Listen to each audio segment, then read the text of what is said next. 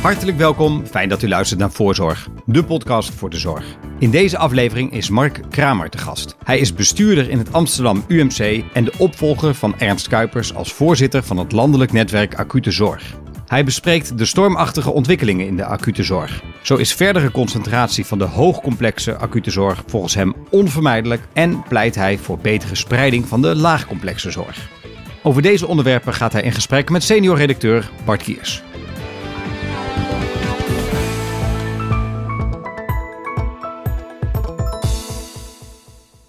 Welkom, Mark Kramer.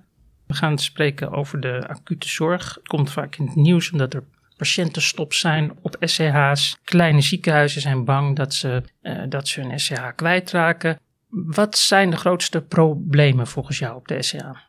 Ja, ik zou het niet alleen over de SCH willen hebben, want uh, problemen in de acute zorg kunnen veroorzaakt worden door alle schakels uh, die de ketting vormen van de acute zorg. Dus als je de acute zorg definieert in Nederland, hè, dan begint het natuurlijk met een patiënt met een acute zorgvraag, huisarts, ambulancezorg, SCH, VVT, eh, thuiszorg en de GGZ. Dat zijn eh, de partners die zorgen voor patiënten, burgers met een uh, acute zorgvraag. En dat betekent dat als één van de schakels onder druk staat, de hele ketting daar last van kan hebben. Je geeft nu zelf aan, hoe komt dat nou, SCH-stops? Ja, dat komt niet door één oorzaak. Dat heeft over het algemeen meerdere oorzaken. Uh, een oorzaak kan zijn uh, dat de druk voor acute problemen in de zorg is opgelopen door bijvoorbeeld circulerende luchtweg virusinfecties. Zoals we eigenlijk dat elk jaar zien, aan het einde van het jaar en aan het begin van het nieuwe jaar ook in de afgelopen periode, in de maanden december uh, en januari, hebben we gezien dat de combinatie van oplopende COVID-infecties, samen met influenza en ook nog andere bovenste luchtweginfecties, de druk in die keten opliep. Dat kan dan resulteren uh, in SCH-stops. De reden daarvoor is dat er meer patiënten worden verwezen naar die SCH. Maar andere redenen die bijvoorbeeld zo'n SCH-stop kunnen veroorzaken, is congestie in het ziekenhuis. Omdat ouderen opgenomen liggen, wachten op een plek voor vervolgzorg, eventueel een tijdelijk bed nodig hebben omdat ze niet direct naar huis kunnen. En als er in de VVT te weinig capaciteit is, met die tijdelijke bedden, of voor thuiszorg thuis, dan blijven mensen onnodig op ziekenhuisbedden liggen. En ook dat geeft congestie, die mee kan spelen in het feit dat een spoedeisende hulp dan tijdelijk gesloten wordt, omdat er geen opnamemogelijkheden zijn. Hoe vaak komt dat voor? Ja, dat komt ongeveer voor uh, in 5%, uh, en dan heb ik het over getallen die we gemeten hebben in mijn eigen ROAS-regio, in Noord-Holland-Flevoland. Ongeveer in 5% van de tijd uh, vinden er ook uh, SCH-stops plaats. En, en, kun je ook zien uit die informatie die je hebt of dat op bepaalde tijdstippen is? Zit daar een bepaalde, bepaald patroon in? Ja, de acute zorg is wat dat betreft heel erg goed voorspelbaar. omdat het over het algemeen, als je naar het dagritme kijkt, het in de ochtend heel erg rustig is. In de loop van de dag zich meer mensen melden met acute zorgvragen. Met een piek, zeg maar, tussen 4, 5 uur en 9 uur s'avonds.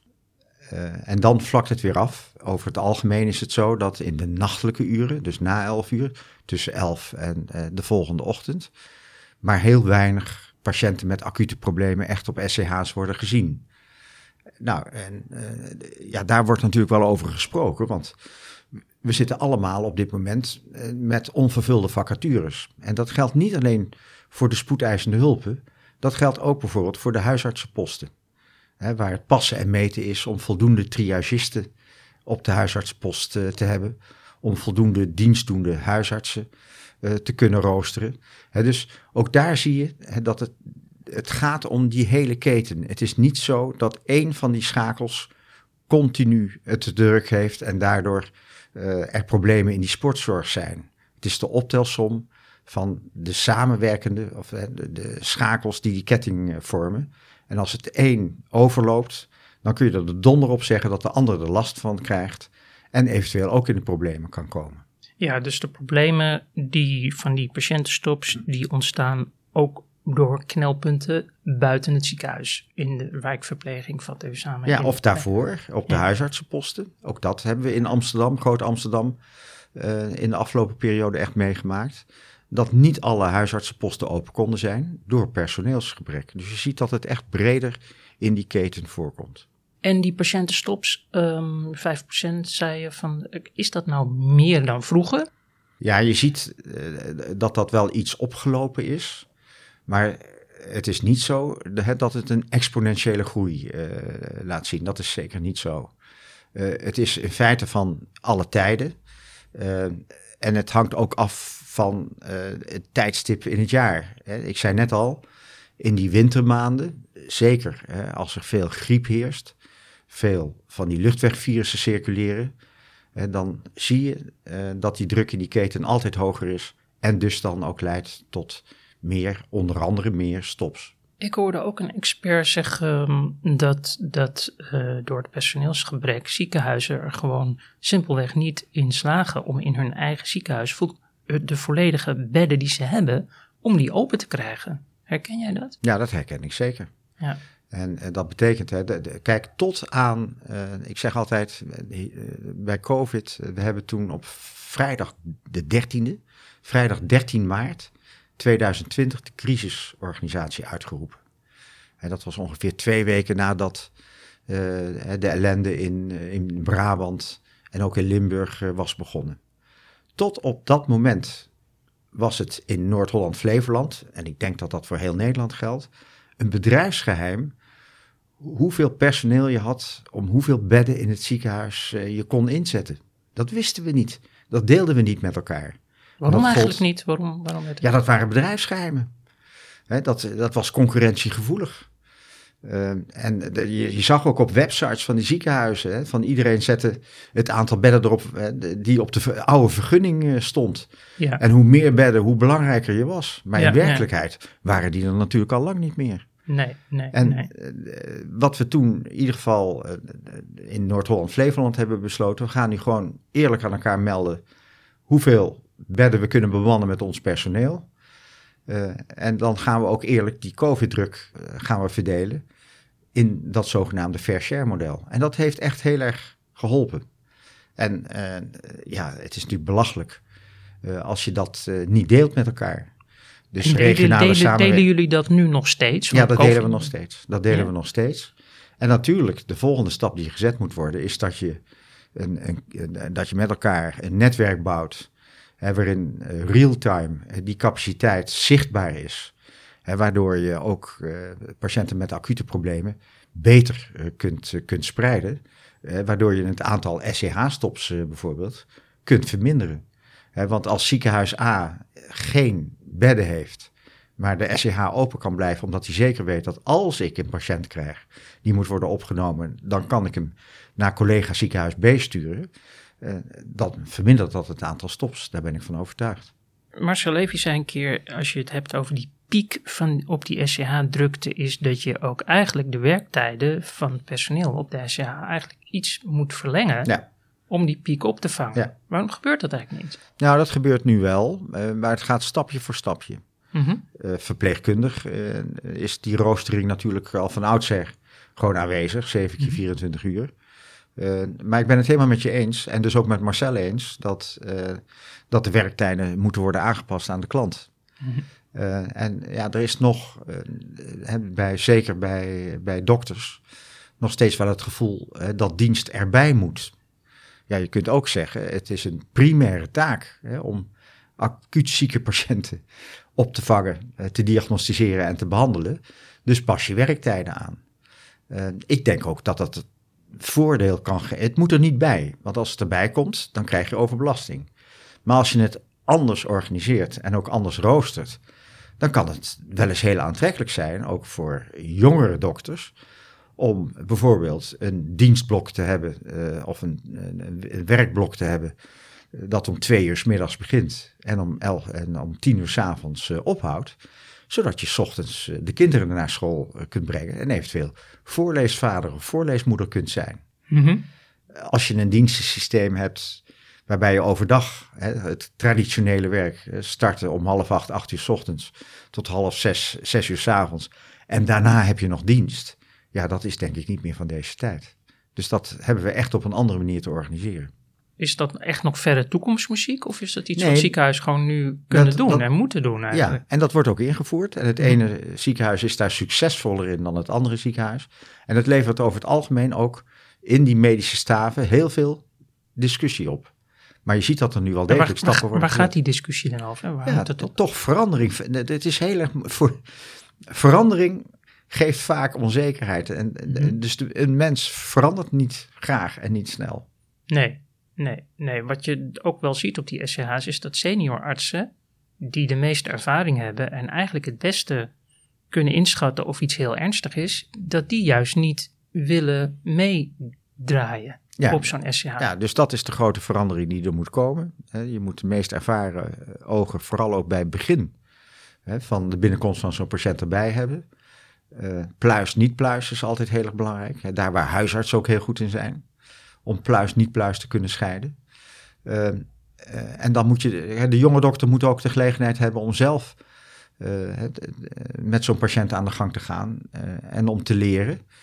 Eh, maar dat kan heel goed als die senior dokter in het begin al kijkt en zegt van jij gaat aan de slag en over een uur kijken we er weer samen naar. En dan zul je zien hè, dat er echt een efficiënter proces op zo'n eerste hulp valt te organiseren. En over het algemeen denk ik ook de kwaliteit rondom die patiëntzorg eh, verbetert. Oké. Je zei laatst in een lezing op een congres van eh, Zorgvisie dat op de lange termijn concentratie van ziekenhuis van de acute zorg onvermijdelijk is eigenlijk. Je noemde het getal van veer- 40 ziekenhuizen en dan over een tijdspan, ik meen van 15 jaar. Vat ik dat goed samen? Ja, ziekenhuisorganisaties heb ik het dan over. Mhm. En eh, dat betekent niet dat er dan 40 ziekenhuizen overblijven. Mhm. Eh, en ik denk ook niet dat er 40 SCH's over, eh, overblijven. Alleen we zullen wel eerlijk moeten zijn dat de ene spoedeisende hulp, ook anno 2023, niet hetzelfde is als andere SCH's. Mhm. Dat betekent dus dat je een, een, een, een heel goed verdeeld en verspreid eh, aantal spoedposten in Nederland eh, kunt hebben. Maar niet op elke spoedpost kan hetzelfde worden geboden. En dat betekent dat voor de meest ernstig zieke patiënten concentratie wel degelijk eh, voordelig is. En je ziet ook dat dat natuurlijk regionaal ook steeds beter georganiseerd gaat, gaat worden. Als een patiënt met cardiale problemen, hartproblemen, waarbij mogelijk een cardiale interventie moet plaatsvinden, is het veel verstandiger om die patiënt direct naar een plek eh, te rijden waar die cardiale interventie kan plaatsvinden. Maar gebeurt dat dan nog niet? Jawel, dat gebeurt ook. Dat gebeurt ook. Daar worden ook eh, stappen in gezet. Mhm. Eh, maar dat is nog niet op zijn ideaalst. En daar gaat die concentratie over. Het wordt dan heel vaak vertaald, ook mijn woorden, van oh, dan moeten er allerlei SCH's dicht. Dat hoor je mij niet zeggen. Eh, een groot deel van de vragen hè, die spoedeisend door de Nederlandse burger worden gesteld, zijn relatief eenvoudige problemen.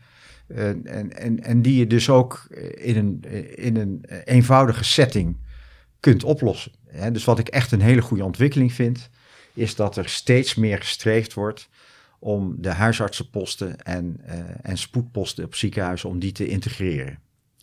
Nou, dan, je houdt een categorie ernstig zieke patiënten over, eh, die ook speciale hulp eh, behoeven. Nou, zorg ervoor dat je die zo goed trieert, dat die direct op plekken terechtkomen, eh, waar multidisciplinair eh, die zorg voor die acute patiënt kan worden geleverd. Dat is de boodschap die ik probeer te geven. Ehm, ik hoor je ook een eh, onderscheid maken tussen een spoedeisende hulp en een spoedpost.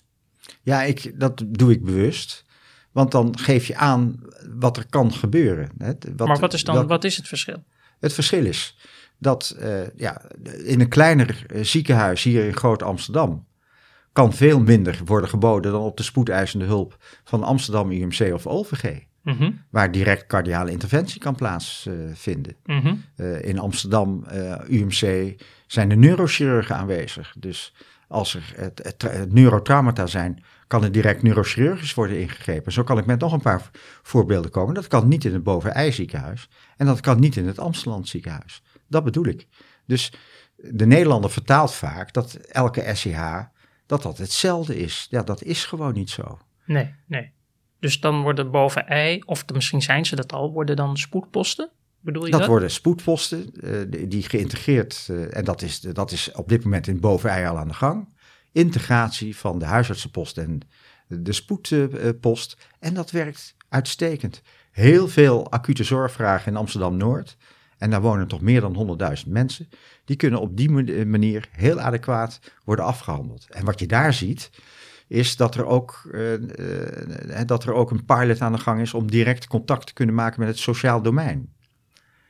En dat betekent eh, dat voor die burger in Noord een, heel een heleboel van die problematiek eh, ook gewoon op een goede manier weggevangen kan worden en vervolgzorg eh, kan krijgen, die verder gaat dan medische zorg, eh, maar zich ook bijvoorbeeld in het sociaal domein uitstrekt. En ik denk dat dat hele goede ontwikkelingen zijn.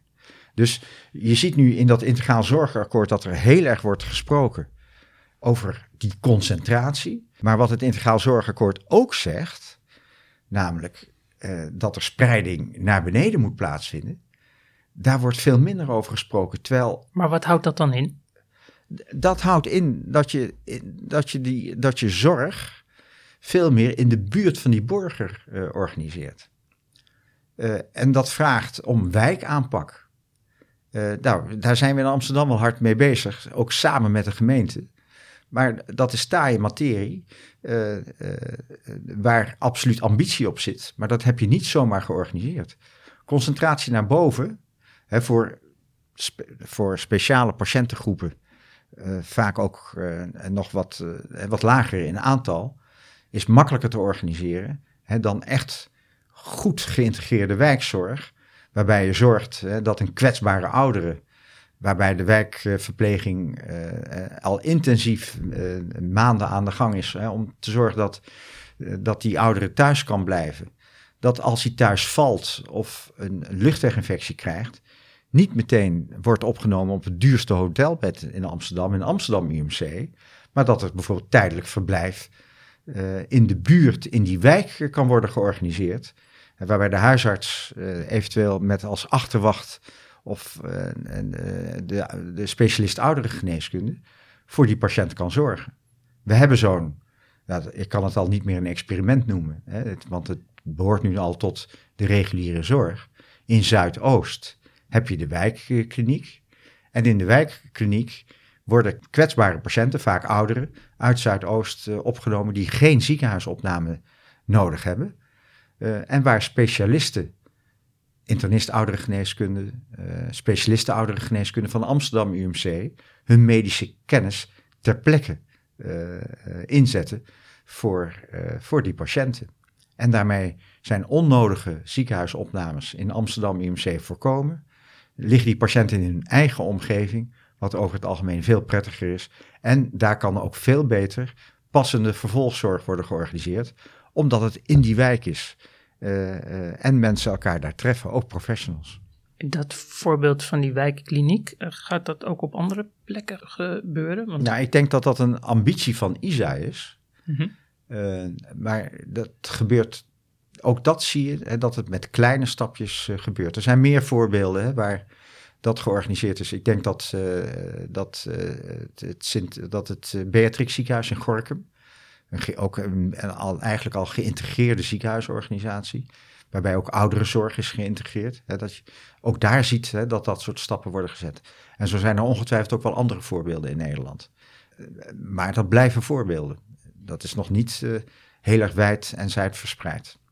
Ik kan me, kan me ook voorstellen dat er een verschil is tussen hoe je dat organiseert in een verstedelijkt ge- Ja. gebied in de, in de Randstad of daarbuiten. Ja. En het zijn vooral ook wat kleinere ziekenhuizen buiten de Randstad die zich hele grote zorgen maken. Ja, dat snap ik ook. En die problematiek is ook duidelijk anders dan, eh, dan problematiek in de, in de Randstad. En wat dat betreft is de, de Amsterdamse burger uh, met, met vier ziekenhuizen in Groot Amsterdam natuurlijk, in, als je naar afstand kijkt, veel beter bediend dan een patiënt in de Achterhoek of in Drenthe. Maar dat kan toch eigenlijk niet? Eigenlijk zou je elke ja, burger... Ja, maar je ziet ook daar dat er aan oplossingen wordt gewerkt. En ik Mhm. denk, zo'n hele nieuwe ziekenhuisorganisatie als Treant, dat wordt echt zo ingericht dat het naar oplossingen streeft. Mhm. Uh, als je kijkt, samen, of onderdeel van Isela is ook uh, het, het, ziekenhuis in, in Meppel. Mhm. Nou, daar is ook echt een nieuw concept neergezet. Als je kijkt hoe de Noordwestgroep gezorgd heeft voor continuïteit ook van, van ziekenhuiszorg in Den Helder, dan is dat echt een heel goed uh, concept waardoor Den Helder wordt bediend. Als je kijkt hoe Rijnstaten nu de Rijn over is en in Elst ook een, een hele moderne, goede voorziening neerzet, dan betekent dat het ook voor de burgers van Elst uh, goed wordt uh, georganiseerd. Maar je ziet wel dat, dat je wat grotere organisaties nodig hebt die genoeg vet op de botten hebben om overeind uh, te kunnen blijven. En ik denk dat ziekenhuizen, kleine ziekenhuizen, met kleine ziekenhuizen bedoel ik dan ziekenhuizen met een omzet die lager is dan 200 miljoen, en zeker ziekenhuizen met een omzet lager dan 150 miljoen, ja, daar stel ik de vraag: zijn die nog in staat om zelfstandig de ICT-afdeling hè, te kunnen bemannen? Om alle ontwikkelingen op de ICT uh, bij te, uh, te, houden? Zijn die in staat om die technische infrastructuur die nodig is, de CT-scan, de MRI-scan, noem maar, om dat allemaal te kunnen investeren? nou, ik denk dat, dat die het daardoor erg moeilijk hebben of zullen krijgen. En dat het misschien dan toch verstandiger is om dat in een groter netwerk onder te brengen, waardoor die locaties niet verdwijnen, maar je wel ge gebruik kunt maken van een grotere schaal. En betekent dat dan dat dat soort ziekenhuizen bijvoorbeeld s'nachts de SCH dicht doen? Doe je zoiets? Nou, ik kan dat voorbeeld geven. Dat, is een, een, dat gebeurt al, denk nou, al tien jaar in onze samenwerking met het Amsterdam ziekenhuis. Mm -hmm. De SCH op het Amsterdam ziekenhuis, die sluit om 9 uur s avonds en gaat de volgende dag om 7 uur weer open. En dat betekent dat Amsterdam UMC die acute patiënten van het Amsterdam ziekenhuis ziet en eventueel weer terugplaatst als ze opgenomen worden, moeten worden een, een dag later. En uh, daar vaart het Amsterdam ziekenhuis goed bij, daar varen Amsterdam UMC uh, goed bij. En dat arrangement werkt. En uh, dat betekent ook, Amsterdam gaat niet failliet omdat hun SCH gesloten is, want die is niet gesloten. Maar zoals ik al in het begin van, uh, van dit, uh, dit gesprek zei, na tien uur s'avonds komt er bijna geen patiënt meer op een spoedeisende hulp. Moet je dan overal volledig personeel hebben zitten om die handvol, of vaak minder dan een handvol patiënten in de nacht te zien? Ik denk dat dat verspilling is. En dat kan elders in Nederland ook op een andere manier worden georganiseerd. Ja, dat zeggen tegenstanders zeggen, maar ja, maar dat doet de brandweer ook. Hè? Dus voor het geval dat moet je die beschikbaarheid hebben. Ja, maar die, beschikbaarheid moet, die moet je ook garanderen. En dat betekent dat, in, uh, dat dat in de stad op een andere manier kan dan op het platteland, waar de afstanden groter zijn. Ja, dat, dat zie ik natuurlijk ook heel duidelijk. In, in die discussie over de toekomst van de acute zorg speelt Denemarken ook vaak een Hmm. rol. Want die hebben in 2007 besloten, we gaan het concentreren van 46 ziekenhuizen, dus acute zorg, naar 21. Nu bleek daar onlangs uit dat dat voor de kwaliteit eigenlijk um, niet zoveel uitmaakt. Dus dat dat ja, niet maar nu ben jij echt te kort door de bocht. En naar dus onderzoek wat in British Ja, ja dat, je kan het artikel ja. hier op mijn bureau, ja, kan okay. het je zo laten zien. Ja, ja, Voor één ding maakt het wel uit. Ja, de hoogcomplexe De hoogcomplexe zorg. Ja, die is beter, maar de rest wordt misschien zelfs een beetje slechter, omdat die toegankelijkheid een ja, issue maar daarom, is. Daarom heb, je, ik hoor, daarom heb je mij ook horen zeggen dat het aantal plekken waar, waar acute zorg wordt verleend, wat mij betreft niet naar beneden hoeft. Mm -hmm. Maar je moet wel organiseren dat het aantal plekken waar complexe zorg moet worden verleend, mm -hmm. dat die goed gedefinieerd zijn. En dat kunnen er geen 70 zijn in Nederland. Mm -hmm. En dat je zorgt dat die patiënten dan ook meteen naar die plek worden gereden, worden getrieerd, waar ze die zorg kunnen krijgen. En we hebben in Nederland echt een heel goed uh, sy uh, systeem, hè, waarbij de huisarts ook nog een hele belangrijke rol speelt in die acute zorgketen. ook tijdens, hè, met huisartsenposten tijdens die ANW-uren. Als je kijkt naar de grote getallen, en dan zie je dat er per jaar ongeveer nou, ruim 6 miljoen, en, dat, en ik baseer me nu op de NZA-analyse, ruim 6 miljoen acute zorgvragen zijn bij de huisarts. Bij de huisarts. Op SCH's komen per uh, jaar ongeveer 2 miljoen patiënten. Dus dat betekent dat een heleboel van die acute zorgvragen al door de huisarts is afgevangen. Chapeau, overdag. Uh, maar nog meer uh, in huisartsenposten tijdens de dienstsituatie. Dat is de kracht van de acute zorg in uh, Nederland. Dat is de kracht van de acute zorg in Nederland en die moeten we koesteren. Mm -hmm. Dan komen er ook nog ongeveer, dus van die 2,1 miljoen komen er geloof ik, komt er, komen er een heel aantal ook met ambulances aan. Daar zijn over het algemeen dus acute problemen. Ambulances die of door de huisarts zijn aangevraagd, of ambulances die direct naar een patiënt in een acute situatie bij een ongeval of noem het maar zijn gebracht. En dan van die twee, ruim 2 miljoen uh, mensen die op de SCH komen, wordt een derde opgenomen. Dus twee derde heeft problemen uh, die direct kunnen worden afgehandeld en diagnose gesteld, uh, breuk, gips gegeven of anderszins. Dus je ziet hoe belangrijk de huisartsenrol in die acute keten is. Uh, en we moeten zorgen dat dat overeind blijft. Nou, als je dan naar een, wat mij betreft, goede organisatie kijkt, dan moeten die huisartsenposten zij, hè, integreren met spoedposten.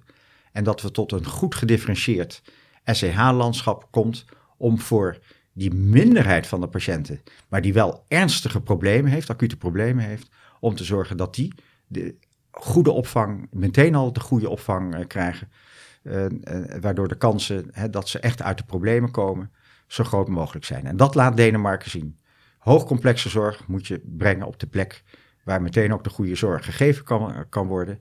En je moet daarnaast een breed netwerk hebben waar de relatief eenvoudige vragen die acute hulp nodig hebben, dat die daar kunnen worden afgehandeld die triage beter maken? Dat hoor ik een paar keer zeggen. Hoe, hoe zou je dat kunnen doen? Ja, door, door lerende systemen digitaal ondersteund. Uh, door die, ja, die zijn natuurlijk al geïntroduceerd in Nederland.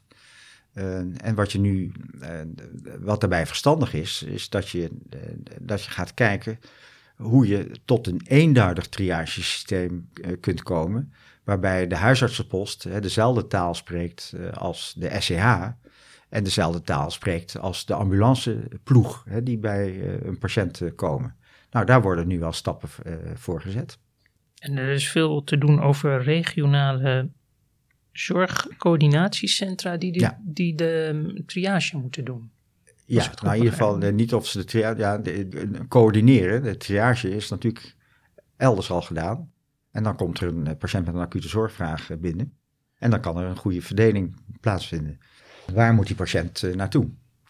Nou, ik heb het voorrecht gehad om deze week, afgelopen uh, week, uh, ook echt geïnformeerd te, worden over zo'n zorgcoördinatiecentrum dat al operationeel is in Midden-Nederland, dus de provincie Utrecht.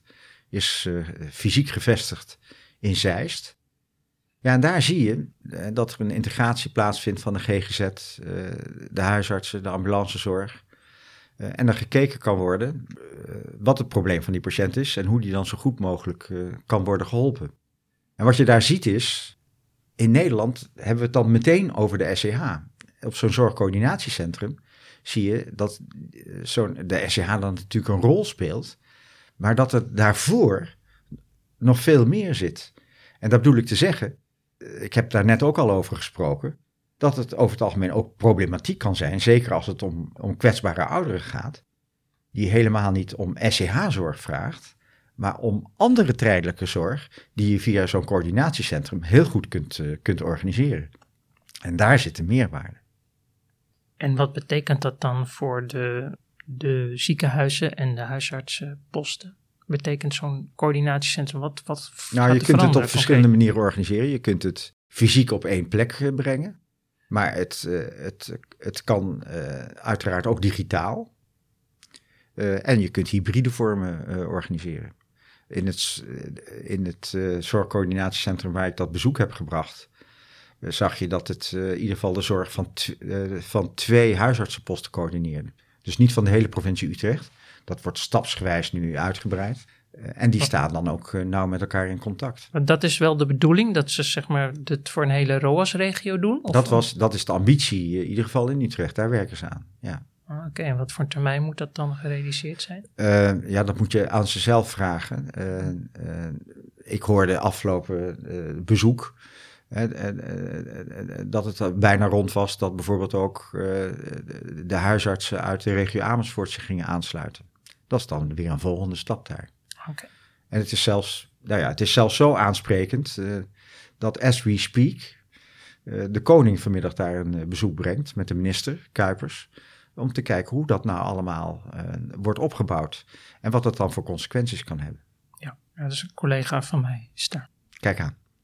Even terug naar Denemarken. Is Denemarken nou toch, hoe ze dat, dat model wat ze daar hebben, is dat toch maar, zeg maar een, een perspectief voor de lange termijn? Nou, je ziet, je ziet dat in Nederland en bepaalde regio's, ook door nood gedwongen, ja, ze daar toch ook eh, die, die, die, concentratiestappen moeten maken. Ja, mm is daar een voorbeeld van. Dus de problematiek in, in Drenthe mhm. heeft ertoe geleid hè, dat er toch een, een, een andere ziekenhuisorganisaties ontstaan.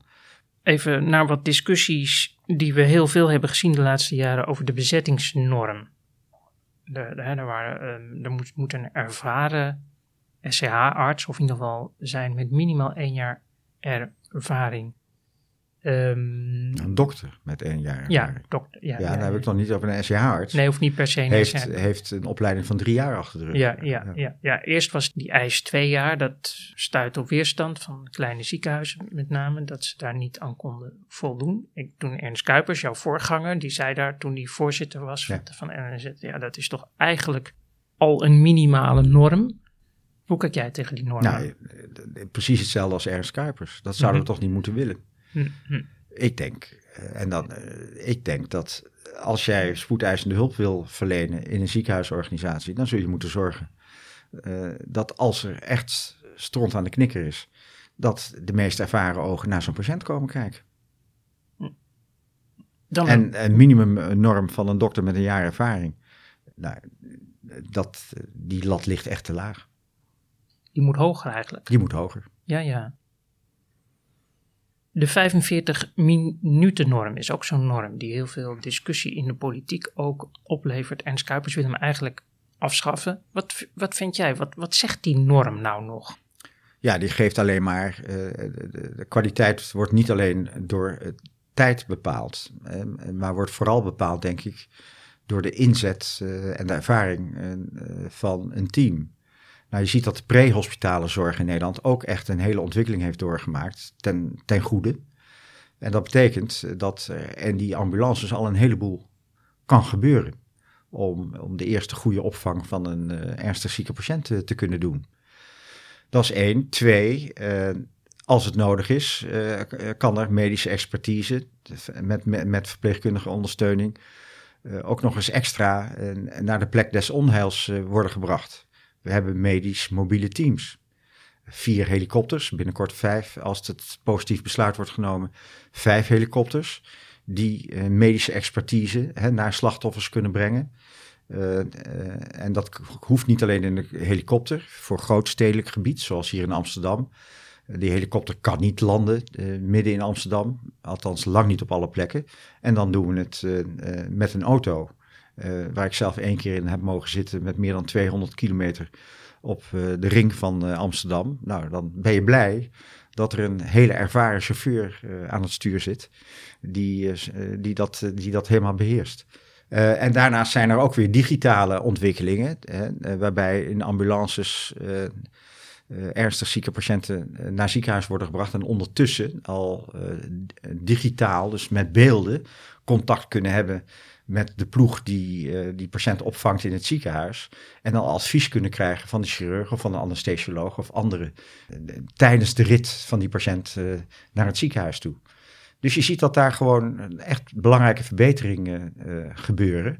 en dat betekent dat het dan echt niet meer alleen afhangt van alleen maar die tijdsnorm van 45 minuten. Dus ik snap Kuipers wel. En wat zou dan, eh, zou er iets voor in de plaats moeten komen? Die 45 minuten norm, of kun je die gewoon loslaten? Nou, wat er in de plaats moet komen is te zorgen dat we steeds beter in staat zijn om uit te maken waar zo'n patiënt naartoe moet. Welk probleem heeft patiënt en waar kan beste de primaire opvang, als het om een ernstig zieke patiënt gaat, waar kan het beste de primaire opvang van zo'n patiënt plaatsvinden? En daar zijn ambulance eh, teams steeds beter toe in staat om dat goed in te schatten. Even terug naar dat rapport van uh, jullie jaarrapport van, het, um, van de landelijke traumaregistratie. Um, nou, even naar de traumazorg. Je ziet dus dat de norm is 90% van de patiënten met een multitrauma. Ja, met een, bepaalde score. Ja. Dat je ernstig gewond bent, een zogenaamde ISS-score van 15 of meer. Ja. Daarvan uh, is eh, afgesproken en dat, uh, dat we in Nederland uh, streven dat 90% primair in een traumacentrum wordt opgevangen. Ja, dat is dus 70% en dat ja. is eigenlijk al 20 jaar zo. Dus ja. daar gebeurt niks. Daar zegt Kuipers ook van, dat moet echt anders. Ja, en dat gaan we dus ook in 23 aanpakken. Hoe? Daarvoor is de opdracht aan het Zorginstituut gegeven om met de partijen te kijken welke slagen daar kunnen worden gemaakt om zo dicht mogelijk bij die 90% te komen. Dat is één belangrijke norm. De andere belangrijke norm is een minimum aantal uh, uh, patiënten, uh, polytrauma's, die door een traumacentrum per jaar moeten worden opgevangen om voldoende ervaring te kunnen opbouwen en, en, en, vast te kunnen houden. En die norm is vastgesteld op 240, minimaal 240 patiënten per jaar. En er is internationale literatuur die laat zien dat hoe meer polytrauma's je als traumacentrum opvangt, hoe beter je resultaten zijn. Met 500 als optimaal resultaat, hè, was onderzoek van uh, Loek uh, Lene. Nou, uh, Loek Lene heeft Utrecht zijn eigen traumacentrum vergeleken met twee andere internationale traumacentra. Eén in Australië en een Jukel in Amerika. Ja. En dat onderzoek van zijn promovendus laat zien dat hoe groter het traumacentrum, hoe beter de resultaten. Ja, ja, dus dan zou je ook eigenlijk uh, van elf naar vijf traumacentra moeten Ja, dat is wat hij, uh, wat hij wel eens uh, gezegd heeft. en wat vind jij als voorzitter daarvan? Hè? Wat vind jij als LNAZ-voorzitter daarvan? Ja, dat zou betekenen dat er een, een heel belangrijk deel van de organisatie weer op de schop moet. Terwijl we al belangrijke opgaves hebben te vervullen in dat integraal zorgakkoord.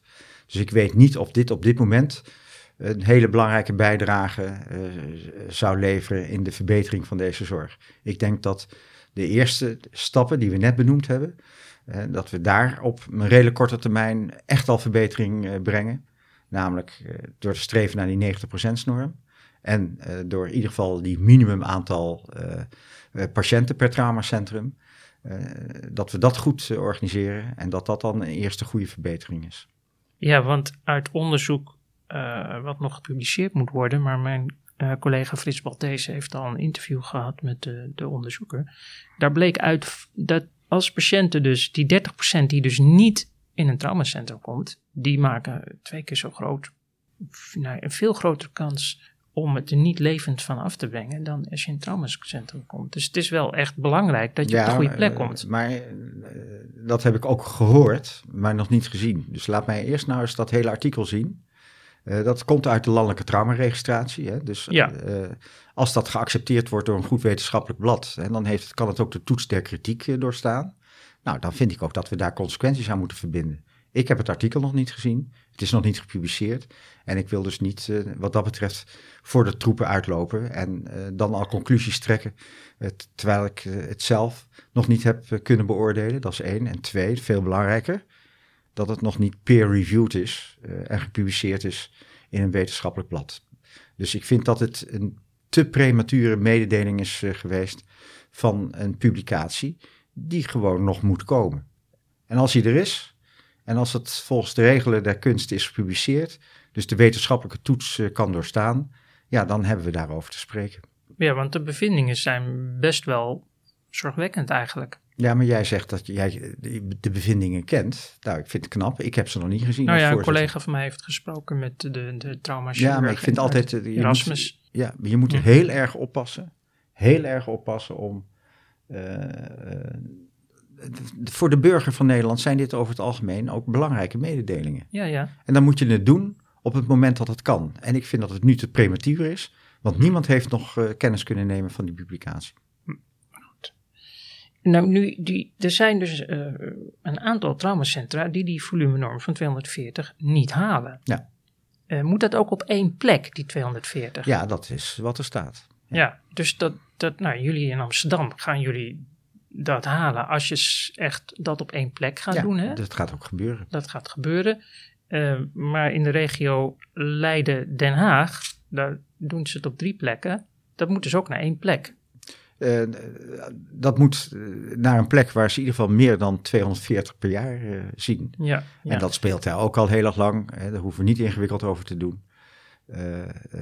die discussie loopt al heel erg lang. Ja, daar zullen dus gewoon beslissingen genomen moeten worden. En wanneer? Nou, zoals ik zeg, van die norm. Kuipers heeft zelf de datum van 1 januari 24 genoemd. Hè, van dat er vanaf dat moment zal worden gehandhaafd. Hoe er gehandhaafd gaat worden, daar is nog helemaal niet over gesproken. maar er zit wel een goede ambitie op. En op zich begrijp ik die ambitie. En Leiden Den Haag heeft dus gewoon werk te doen in de komende periode. Mm, nu is, is dat, dat traject wat je schilderde over die verdere concentratie van hoog. Over, ja, laat me nog één opmerking als het ja? mag. Als je kijkt naar de totale traumazorg, en dat zie je ook in dat landelijke, die landelijke traumarapportage, het aantal patiënten hè, die echt hulp van de traumachirurg en zijn teams nodig heeft, is vele, vele, vele, vele malen groter hè, dan het aantal zwaar gewonden. Dat zijn ongeveer 4500 per jaar. Iedereen heeft het dan over die 4500, maar niet over die hele grote andere groep. Hè. Dus er is werk zat voor heel veel traumateams in de verschillende ziekenhuizen uh, in Nederland. Mm -hmm. uh, ja, natuurlijk is het prestigieus om de meest zwaar gewonden te kunnen opvangen, maar daar hebben we nou net de afspraak gemaakt in Nederland dat we dat geconcentreerd uh, doen. nou, laten we dat dan ook gewoon organiseren met elkaar. En dan blijft er voor iedereen meer dan voldoende werk over om ook uh, goed als traumachirurg of als traumateam te kunnen werken. Wat zijn nou de, even, als je even wat, zijn nou de grootste veranderingen die we de komende twee, drie jaar kunnen verwachten? Ik denk, en ja, ik, het moet geen droom zijn van mij, maar het moet echt werkelijkheid worden. We hebben echt tijdens die COVID-tijd hele belangrijke stappen gezet. Punt 1, gewoon samenwerken met elkaar. En met elkaar bedoel ik niet alleen ziekenhuizen onderling, maar ziekenhuizen met de VVT, met de thuiszorg.